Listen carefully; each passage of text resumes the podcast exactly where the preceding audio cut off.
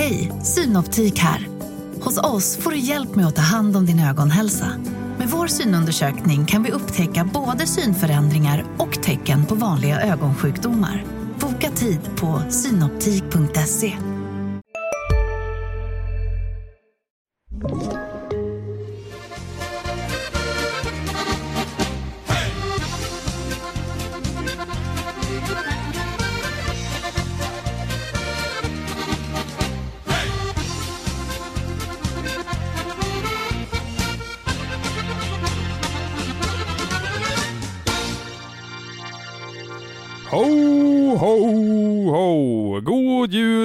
Merry Christmas, Feliz Navidad och allt vad man nu säger i dessa tider. Varmt välkomna ska ni i alla fall vara, hockeyvänner, till ännu ett Hockeypuls-avsnitt som denna gång får besök av Frölundas och Detroits guldklimp, Lukas Raymond. Och som jag inser nu också är den yngsta gästen i poddens historia med sina 18 år. Så Lukas, du, du börjar med att sätta rekord direkt här i inledningen. ja, det känns som en bra start. Ja, det måste man verkligen säga. Ja. Du, vi, vi ska vara transparenta med lyssnarna här också. Du och jag sitter faktiskt i samma stad, Sundsvall, men spelar in på distans. Jag på mitt kontor, du i Juniorkronornas eh, karantänsbubbla. Avsnittet spelas in 9 december, släpps 22, vilket ni, ni lyssnare säkert har förstått. Så saker som har hänt under de här två knappa veckorna eh, i nyhetsväg kommer inte vi att diskutera, så det blir inte särskilt många här och nu-frågor till Lukas. Men jag tycker ändå att det är relevant att ta upp den här smittan som har spridit sig hos eh, både spelare och, och ledare, Lukas. Alltså det måste ju vara en väldigt olustig känsla att ha eh, just nu för dig. Ja men verkligen. Eh, det är lite osäkert. Man vet inte om man själv ska åka på det eller om ens lagkamrater ska åka på det. Så att eh, eh det är, det är speciellt, absolut. Så att eh, det gäller väl att försöka göra allting man kan för, för att hålla sig frisk så att vi kan få, eh, få spela till. Men hur mycket stör det er uppladdning skulle du säga? Uh, ja, men självklart så påverkar det. Jag menar, det är inte samma som det tidigare varit och man får vara mer försiktig. Uh, just att vi, vi som lag kanske inte kan umgås lika mycket som vi brukar. Uh, men på något sätt är det ändå att vi, vi får våra träningspass och de flesta känner varandra så pass bra redan innan så att jag tror inte det ska vara några större problem. Och jag tycker att vi inte behöver landa i coronaland alldeles för länge med tanke på hur nyheterna ser ut i, i dessa tider, utan vi, vi diskuterar hockey helt och hållet tänker jag. Och ni möter ju Tjeckien, Österrike, Ryssland och USA i er grupp. Mm. Eh, hur ser du på det motståndet som kommer här? Uh, nej, men det är tufft, uh, men det är kul också. Uh, det är roliga matcher, det är alltid roliga matcher att spela i, i landslagssammanhang och det, det är alltid speciellt att få, att få spela för Sverige. Eh, det eh, det, det, blir alltid en speciell känsla runt matchen, under matcherna och efter också. Eh, och alla de lagen som du precis nämnde är duktiga lag. Så att det, det ska bli grymt kul. Och för egen del då, det är ju andra JVM-turneringen för, för dig. Men denna gång så kommer det kanske med en annan typ av press, där du väntas bära det här laget mer än vad du gjorde i fjol. Hur, hur hanterar du det? Uh, nej, men jag vet inte riktigt. Det är väl inte så jag uh, tänker eller ser på det, utan jag tänker mer att vi, uh, vi har enormt mycket duktiga spelare i laget och, och jag tror det, det räcker att kolla på när vi vann U18-guld, att vi, får man ihop laget så kan man komma väldigt långt. Sen så är det självklart att man behöver individuella prestationer också. Men jag, jag, tror om vi kan komma samman som lag som vi har gjort tidigare så, så tror jag vi har riktigt bra chans. Och, Uh, Eh, nej, jag ser fram emot det grymt mycket uh, och det ska bli extremt kul. Eh, du, det där U18 VM-guldet i Örnsköldsvik, stora delar av JVM-truppen nu var ju med och vann den turneringen. Hela målvaktssidan är intakt. Flera av backarna var med där och då, även i forwards till exempel eh, med dig och eh, Alexander Holtz och Simon Holmström och det går att rabbla fler namn också. Eh, ser du det som en fördel eh, nu inför den här ovissa eh, turneringen, att ni, ni har den erfarenheten med er? Uh, ja, det är svårt, jag, både ja och nej. Uh, på ett sätt så är det ändå att det man, man kan inte fastna i det förflutna. Uh, bara för att man har vunnit en gång så Eh, så ska man inte fastna i det. Och jag menar, det var länge sedan. Vi har andra killar i laget nu. Många andra lag har nya spelare också. Eh, och det, det är andra förutsättningar. Eh, men självklart är det också att när man, när man har vunnit något så pass stort så, så får man ändå smak för det och, och känslan av att vinna och bli, bli ännu hungrigare och sugen. Men samtidigt så, så, tror jag inte det kommer spela så stor roll med, med tanke på alla förutsättningar runt omkring och, och det, det var väl två år sedan nu nästan. Så att eh, man får inte fastna för mycket förflutna, men självklart så, så är det alltid skönt att ha känslan och, och veta att man kan vinna stora mästerskap och ha gjort det innan. Men du, ni kommer ju vara, ha varit hemifrån i en månads eh, tid med tanke på hur tidigt lägret i Sundsvall har börjat och om ni tar er hela vägen till final, då är ni inte på hemmaplan i Sverige förrän eh, i början av januari där, 6, 7, 8 januari. Hur, hur ska du sysselsätta dig i den här framtida bubblan i Edmonton också? Vad har du tagit med dig för eh, tv-spel egentligen? Men jag har tagit med mig mitt Playstation. Jag tror många i laget har gjort det. Det blir mycket dödtid på, på rummet och så datorn och kunna kolla lite film och sånt. Eh, så att det, det blir mycket Playstation eh, och, och, kolla filmer. Eh, och sen så får vi se vad man hittar på. Men det, jag tror det blir skönt. Många i laget har med sig det så att då kan man sitta och spela tillsammans. Ja, vad gibbar ni oftast då? Det har varit mycket Warzone nu, Call of Duty, eh, lite Fifa också. Sen vet jag det är några som spelar NHL och lite sånt. Så att eh, man får nog variera lite annars tror jag man kommer tröttna.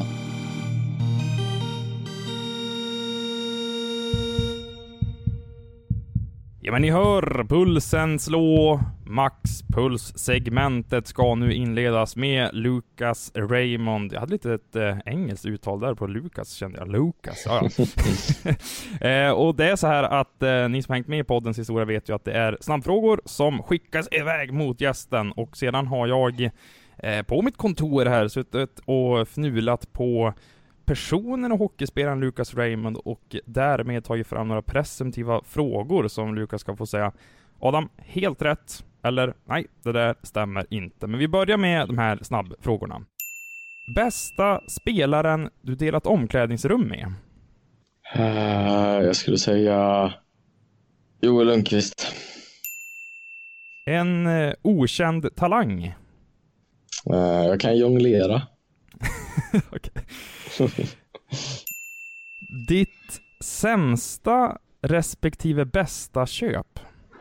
Uff, eh, jag skulle säga eh, mitt sämsta tror jag är en hoodie som jag tyckte var väldigt snygg. Eh, men så tog jag hem den och tittade lite noggrannare och den var för liten.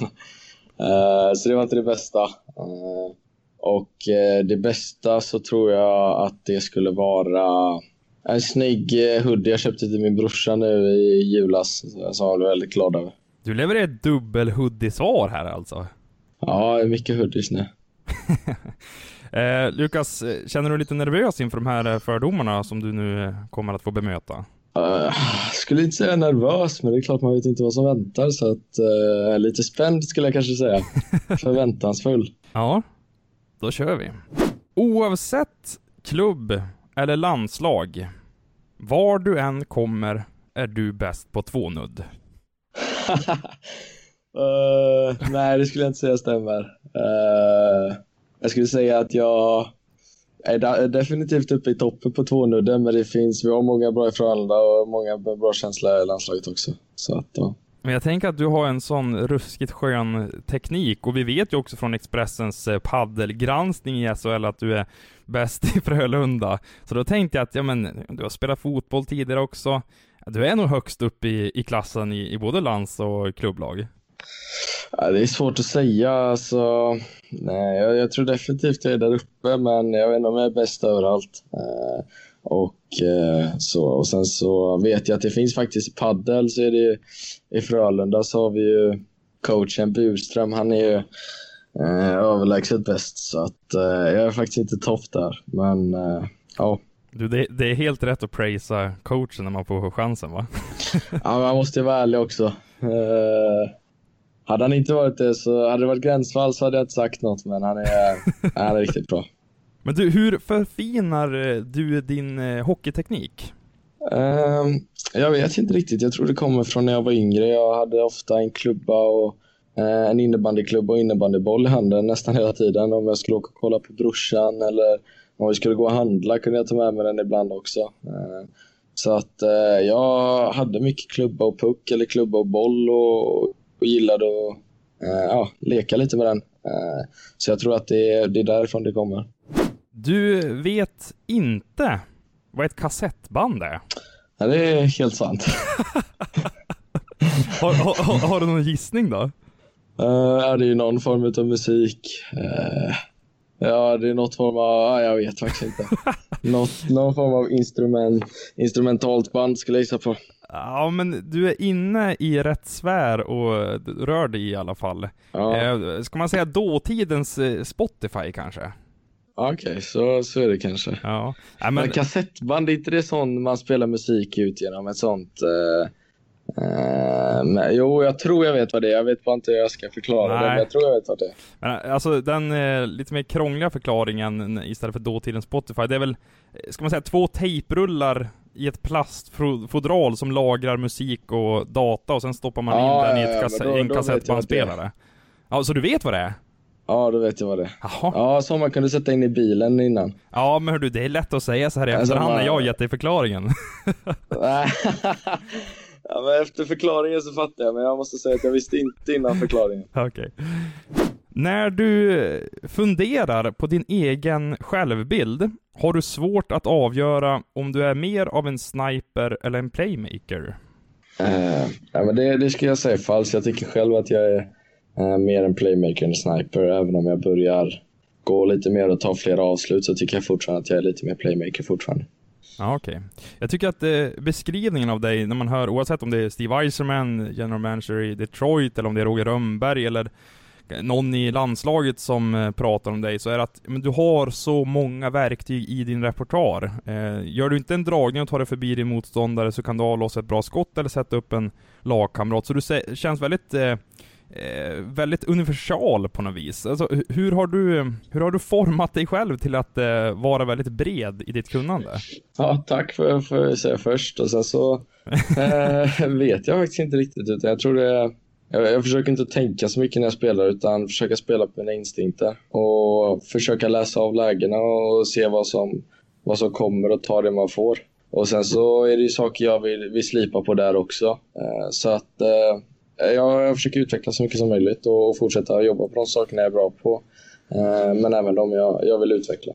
Hur mycket skulle du säga att det är eh, talang? Hur mycket skulle du säga att det är träning som ligger bakom vad du hittills har åstadkommit? Alltså jag, jag tror att jag, jag, tror absolut att man kan ha talang i olika sporter, att man, man kan födas mer atletisk eller liknande. Men jag tror att mycket kommer från jobb från början också. Eh, även om många kan se olika spelare som talanger så, så är det hårt jobb som ligger bakom det. Eh, från när man var liten. Eh, och jag, jag tror inte man föds med att vara en bra hockeyspelare liksom, utan att det, det kommer från att man har tränat enormt mycket och, och jag har tränat väldigt mycket även om jag kanske var yngre och inte riktigt såg det som träning eftersom jag tyckte det var så enormt kul. Så att det var mer för att jag gjorde något som jag tyckte var kul. Eh, så när man tittar tillbaka har man faktiskt tränat extremt mycket. Eh, även om jag aldrig riktigt såg det som eh, träning om man kan säga så. Så att ja. Men du gjorde det av rent nöje för att du tyckte att det var så kul? Ja, jag menar, när jag var liten och fortfarande nu så hockey är det bästa jag vet. och få gå på allmänhetens åkning innan träningarna och vara på efter eller spela hockey på gatan eller vad det nu kunde vara. Eh, och, det är ju faktiskt träning, men jag gjorde det aldrig för att, eh, för att för att det skulle vara träning, utan jag gjorde det alltid för att jag tyckte det var kul. Sen måste man ju säga det också att eh, miljön man växer upp i är ju kritisk och för dig så har det ju varit eh, lyckosamt att få verka i Frölundas eh, ver verksamhet helt enkelt. Alltså, du har gått från eh, juniorled till juniorled och hela tiden klättrat i den här hierarkin. Och hur har det egentligen varit att växa upp i den här framgångsrika eh, föreningen? Uh, det har varit grymt för mig. Uh, det har hjälpt mig jättemycket. Jag menar, fördelen med en så stor organisation är att det finns mycket resurser och träningsmöjligheter och många kunniga tränare. Uh, så där har jag haft enorm tur när jag, när jag vuxit upp och var liten, att jag har haft många bra tränare som, som har gjort det väldigt kul att träna och fått mig att utvecklas samtidigt som jag har haft många många bra lagkamrater också som jag är eh, än idag några av mina bästa vänner. Liksom. Så att, eh, det, det är helt med jättemycket och jag, jag får att tacka mycket. Du kommer från en familj där sockerhalten i ketchup diskuteras vid middagsbordet. Sant. Är det sant? ja, det skulle jag faktiskt säga. uh, kanske inte så uh, radikalt, men uh, mamma har ju bra koll på kost. Så att det är klart att det tas upp ibland, men även så har man ju fått gotta sig på det sättet också. Men du, du nämner din mamma där, Cecilia, här, och som jag förstått det så är hon personlig tränare slash kostrådgivare. Eh, och det måste vara ultimat att växa upp som hockeyspelare under de vingarna. Ja, på, på gott och ont. Eh, men nej, självklart. Eh, det har varit sjukt hjälp, eh, hjälpsamt och eh, just den hjälp man har fått som man inte har tänkt på, liksom att man alltid har, har käkat bra och fått i sig rätt, rätt saker och även ett kunnande att man, man har lärt sig saker. Jag menar, man kan inte, man, man kan inte laga mat åt mig hela livet. Så att jag, jag har fått med mig kunskapen om vad som är bra att äta och vad som är mindre bra att äta, att man ska tänka sig lite för. Men samtidigt så äter man ju gott ibland också, så är det ju. Så att det har inte varit noll eller hundra utan man måste ju kunna få äta det man ja, Det blir lite lördagsgodis ibland, ibland också. alltså? Ja, jo men absolut. Så att, ja. Men du, hur stor betydelse har hon eh, haft? Eh, kan du värdesätta det? Nu är du bara 18 år och du har hela karriären framför dig, men i vilken ålder började ni prata kost? Och det känns ju som att det är ju en av tre ben som man kanske står på som hockeyspelare, om man tänker att träning och kanske drivkraft och lust är de andra. Eh, så, så, hur stor betydelse har, har mamma haft? Den var jättestor. Jag menar, kosten är bara en jätteliten del, utan eh, båda mina föräldrar har ju Eh, varit enormt stöttande för mig och, och min storebror också. Och sen så att man får in kosten, det, det är ju bara en bonus på något sätt. Eh, så att eh, vi har aldrig riktigt haft så att vi sätter oss och snackar kost, utan det har mer varit att man har lärt sig successivt och ja, se och lära lite också. så nej, hela min familj har haft en enorm betydelse på min hockey än så länge. Finns det några do and don'ts då, när det kommer till matväg i, i Raymonds eh, hushåll? Uh, nej, inte riktigt. Alltså jag menar, om jag är sugen på någonting så, så äter jag väl det. Uh, även om uh, det finns olika, att man ska äta ja, hur det är med kött, pasta, ris, kyckling, vad det nu kan vara, så är det inte... jag lever ju inte svårt att förklara men eh, om min mamma skulle sätta upp ett kostprogram eh, till en kund så hade det inte varit det jag åt kanske. Eh, okay. så, att, så, hon, jag, så hon styr inte dina tränings och kostvanor? Nej, inte alls. Utan jag menar, jag får grym hjälp från Frölunda också. Och, eh, mamma är väl bara en stöttepelare eh, hemifrån. Det kan vara hans isblick eller norrbottniska stämma för det var ju något med Roger Rönnbergs närvaro som skrämde dig i början av din A-lagstid. Nej, det är falskt. Är det falskt? Ja. Men jag tycker att han är ju respektingivande, Roger. Det måste han ju få. Ja, verkligen. Eh, så du kände aldrig när du kom upp där som 16-åring att eh, ja, nu får jag allt att skärpa till mig, annars så, så kommer jag nog få Rogers hårtork. Nej, men alltså det är klart att man, jag menar Roger är ju en väldigt, alltså det är som du säger, han har bra pondus och eh, respektingivande liksom. Eh, men jag tror det är en fin balansgång från, från att skrämma upp spelarna och ställa, ställa krav. Och jag menar, vi spelare och ledare ställer ju höga krav på varandra för att vi vill utvecklas. Eh, men jag tror aldrig att det varit att man, man skräms, nästan tvärtom. Att när jag, när jag kom upp som ung så hjälpte han mig väldigt mycket. Och, Eh, och var väldigt stöttande. Eh, så att, eh, nej, rädd har jag aldrig varit. det var väl lite överdrivet också för att skapa någon slags reaktion ifrån dig. Men han har ju staplat upp SM-guld och Champions Hockey League-guld. Han har ju ett JVM-guld också mm. sen sin tid på förbundet. Eh, kan du förklara vad det är som gör Roger Rönnberg speciell som hockeytränare? Jag menar, det, det är en bra ledare. Han får hela laget och och kunna dra åt samma håll. Och, och vi har en väldigt tydlig spelidé som, som vi följer väldigt bra. Uh, och jag menar Roger tillsammans med alla andra tränare gör ett, ett riktigt bra jobb och kunna stötta upp oss där. Uh, och sen just att de, de, ställer höga krav på oss. Liksom. Att, vi, uh, att vi utvecklas som hockeyspelare, individer och, och, som lag också. Så jag tror att det har varit en stor faktor. Och sen måste man ju säga det att eh, det, finns informella ledare i spelargruppen också. Jag vet att Roger har pratat om tidigare att det finns en, en core group i Frölunda där Joel Lundqvist eh, kanske står allra längst fram på barrikaderna. Eh, hur viktigt är det för en ung spelare som du på väg upp att komma in i den här miljön med de här äldre killarna som sätter kraven, har högt i tak och lägger ribban för er andra? Det är jätteviktigt. Alltså jag menar att man, eh, man ska ha coacher men sen så måste man även ha spelare i truppen som, som vågar träda fram när det, när det går tufft. Eh, eller att något behöver sägas liksom. Eh, så att det är jätteviktigt och det är en så, sån grupp som man kan, man kan kolla på och ta efter. Det finns många förebilder i vårt lag som man kan se och lära av. Så att det, är, det är grymt viktigt. Hur skulle du säga att Joel leder? Uh, jag tycker att han, det är en blandning av att han leder med exempel och uh, att han leder med sin röst. Uh, så att uh, det är imponerande att se och jag, det är mycket att lära. Och du säger att det finns förebilder i gruppen. Vilka har du sett upp till? Uh, nej, Johan Sundström har jag känt sen jag var rätt liten. Jag växte upp på samma gata som han bodde på.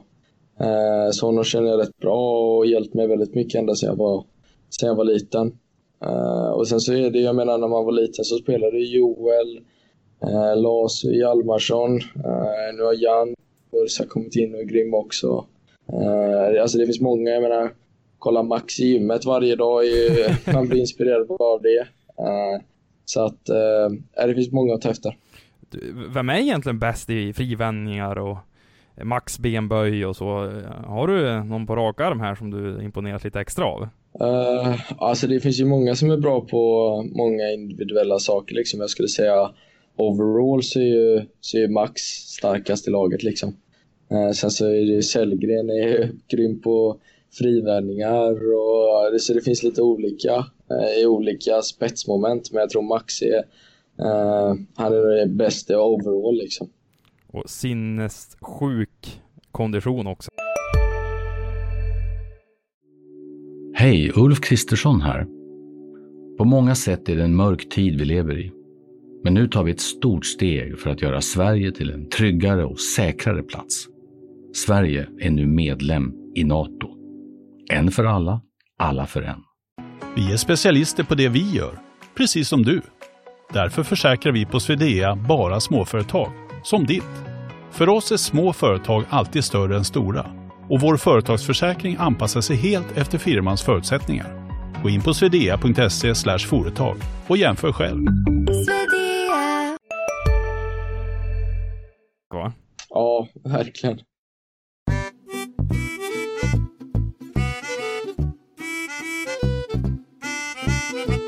Ja men då har det blivit dags för period 3 i Hockeypuls podcast. Jag vet inte, Lukas, eh, var det två eller tre rätt av fem på fördomarna eller? Eh, någonting i, i den stilen va? Ja, jag vet faktiskt inte. Jag har lite räkningar men något sånt kanske. Ja, men jag är nöjd om jag är 50% Det är ändå en hyfsad utdelning kan jag tycka. det beror på vad man räknar. Ja, absolut. Om man är, om man är hockeyspelare och tänker sin egen skottprocent, då är ju 50% rätt bra, så det är det jag utgår ifrån. Ja, det är väldigt bra. Hälften av skotten går in. Du, eh, nu är det faktarutan här som vi ska göra oss redo för, och vi inleder med smeknamn. Uh, jag har många olika smeknamn faktiskt. Uh, okay. Jag tror uh, Ray är ett som är hyfsat vanligt. Uh, Luke, uh, Luckan. Det, det, är väl de vanligaste skulle jag säga. så att det är lite olika som använder olika. Men du, jag tror många tänker när de ser ditt namn i en laguppställning. Jaha, den här killen är från Kanada, USA eller något engelskspråkigt land. Men Berätta lite om vad, vad Raymond, vilket ursprung det är ifrån. Som jag förstått det så är det från pappa Jean. Eh, eh, stämmer det? Ja, exakt. Han är uppvuxen i Frankrike och är fransk pappa. Så att eh, Raymond kommer eh, från Frankrike. Hur eh, mycket av det franska blodet finns i ditt hockeyspelande då? Uh, det vet jag faktiskt inte. Uh, lite kanske. Men vad har han betytt för, för din karriär? Han har betytt jättemycket. Betytt jättemycket.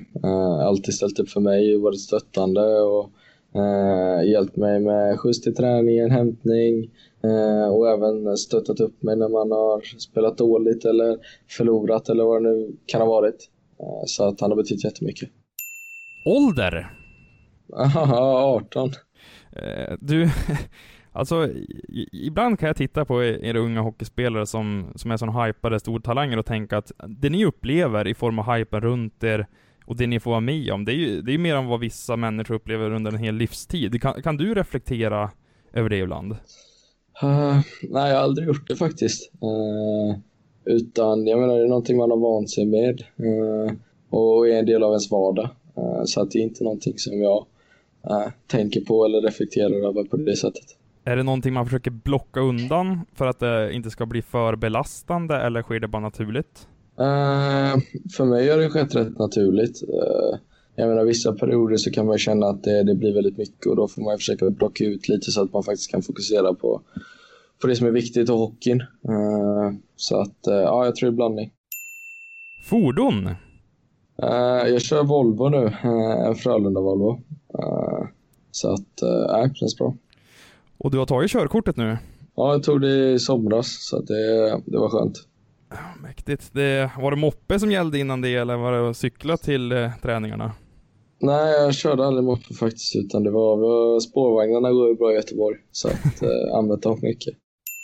Tjänar mer än en riksdagsledamot och där är arvodet 65 000 i månaden. Uh, nej, det är falskt. Ja.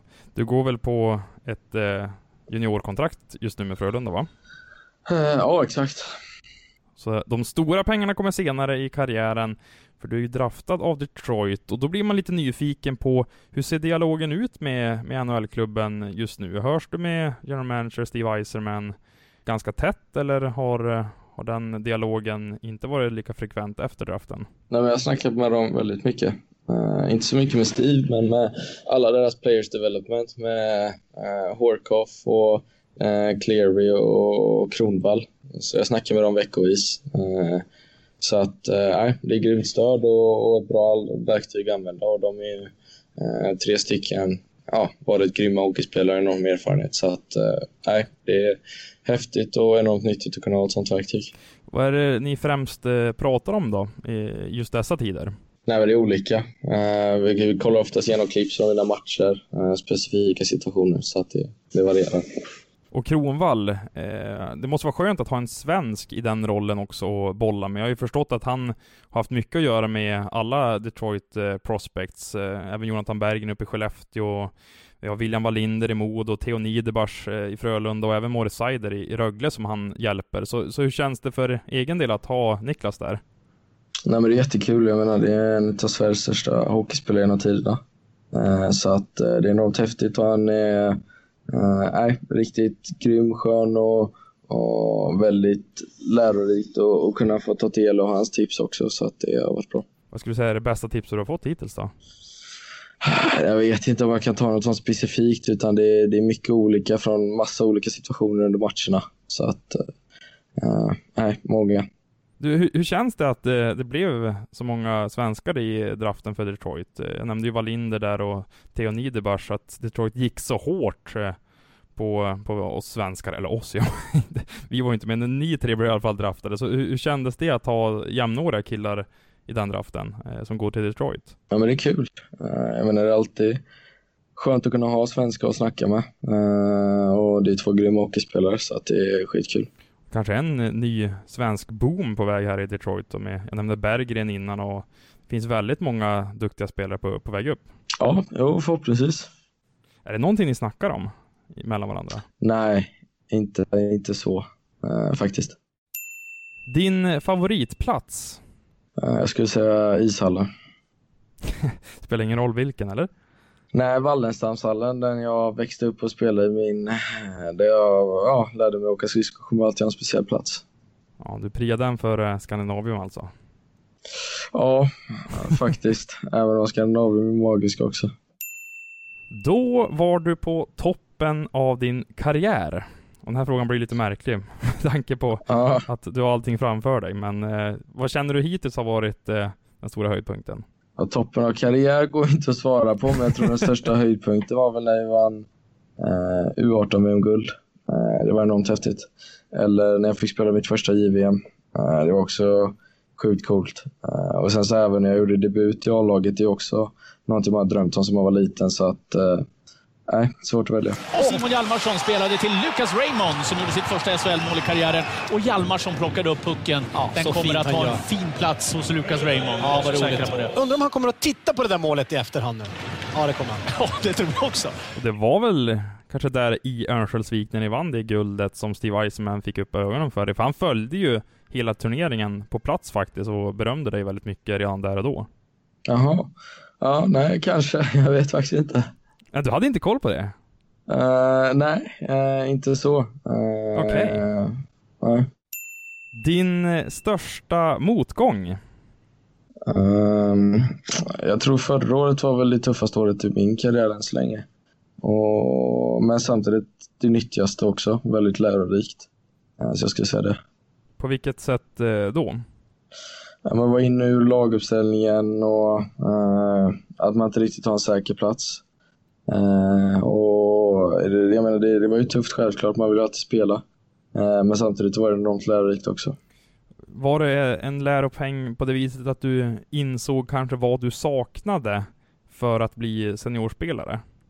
Ja, delvis det och mycket andra insikter också. Uh, så att man lärde sig mycket och utvecklade mitt spel väldigt mycket också.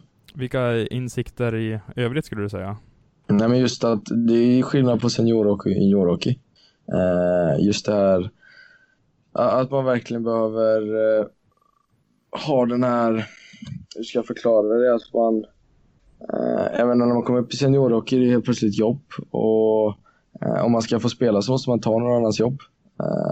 Så att det fick ändå pusha en ännu hårdare och vi ville jobba ännu hårdare för att kunna få spela.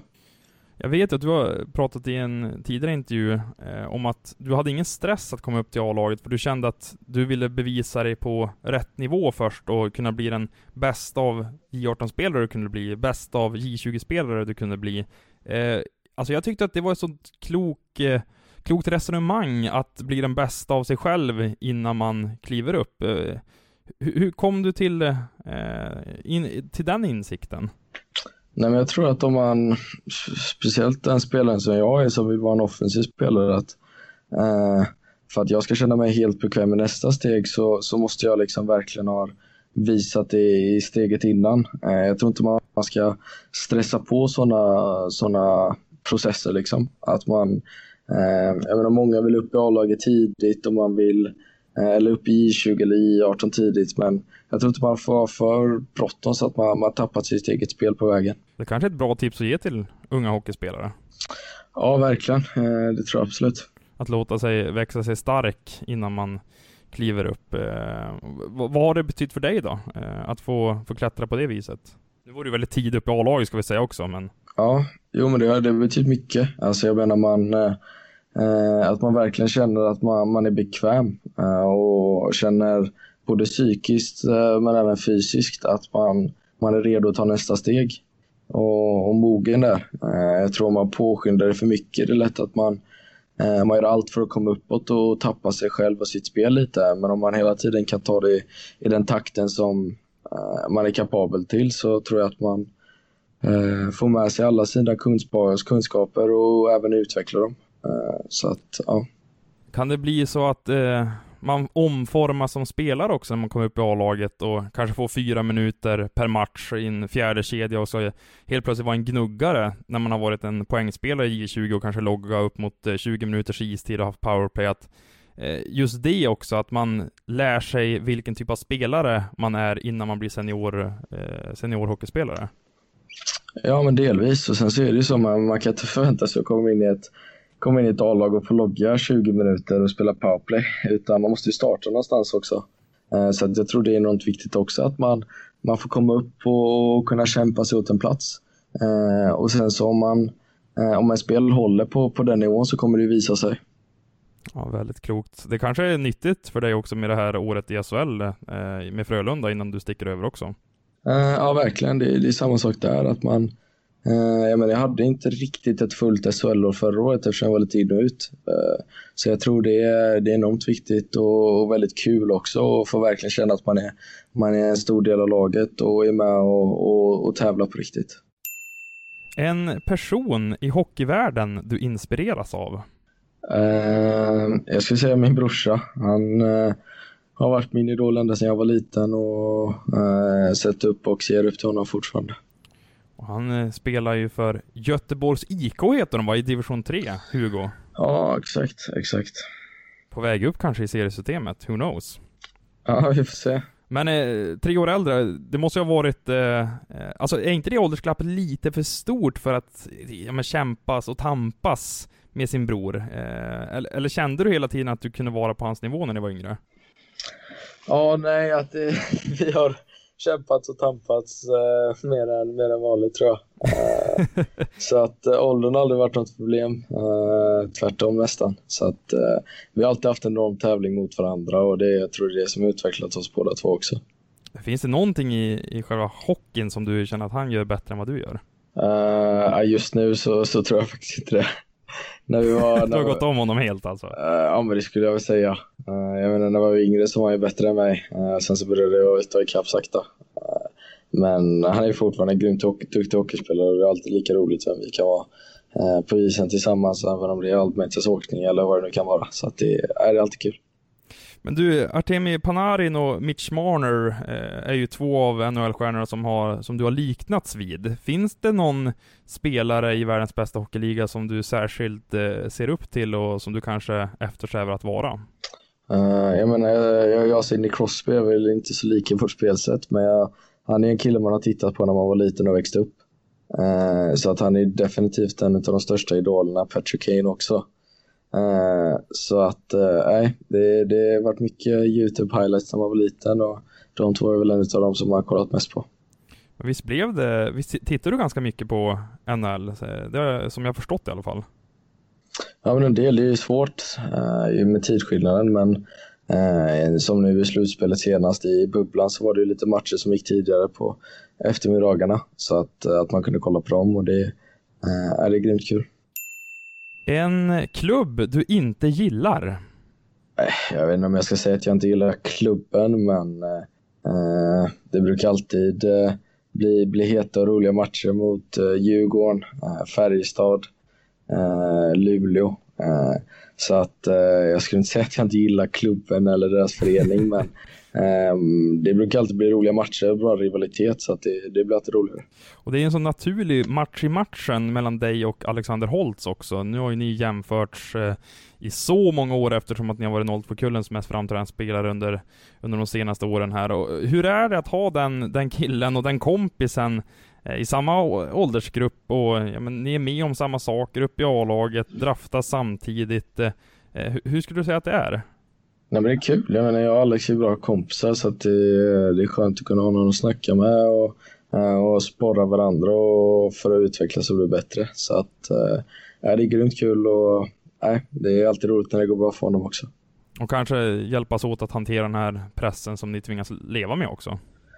Uh, ja, men lite. Jag menar, båda går igenom samma sak. Uh, men uh, när vi snackar så snackar vi sällan eh, om hockey eller liknande, utan det, det är allt möjligt annat. Så att det, det är rätt skönt också. Du är lite så spontant här. Vad är ditt snyggaste mål som du har gjort hittills? Eh, har du någon, något som du gillar lite extra? Jag skulle säga första målet i U18-VM-finalen. Eh, tyckte jag var rätt snyggt. Eh, oh. och speciellt en sån match också. Fritz Hugh tried to go up to the point and Sweden comes away with it. Lucas Raymond. Stick in. Raymond,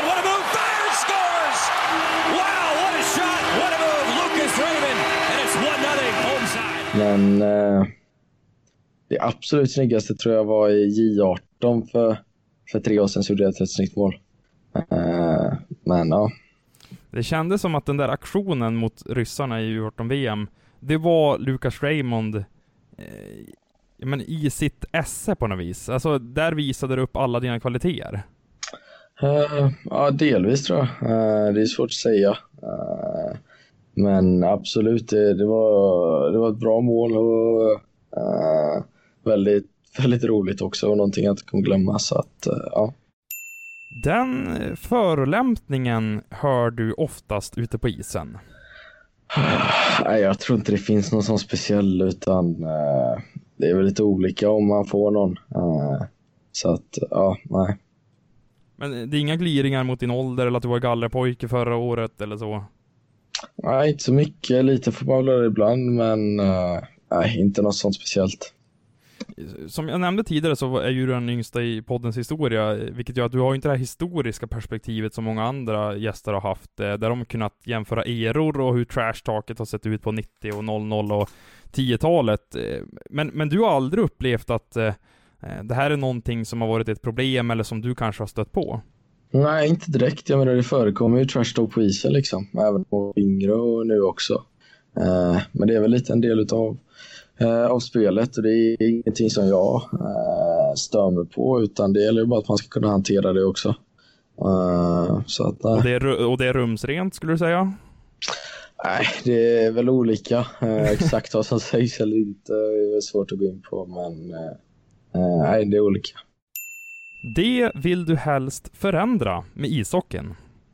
Ta bort powerbreak kanske. Uh, blir uh, lite effektivare. Uh, men samtidigt är det en del av spelet också så att jag vet inte riktigt om jag skulle vilja ändra på någonting.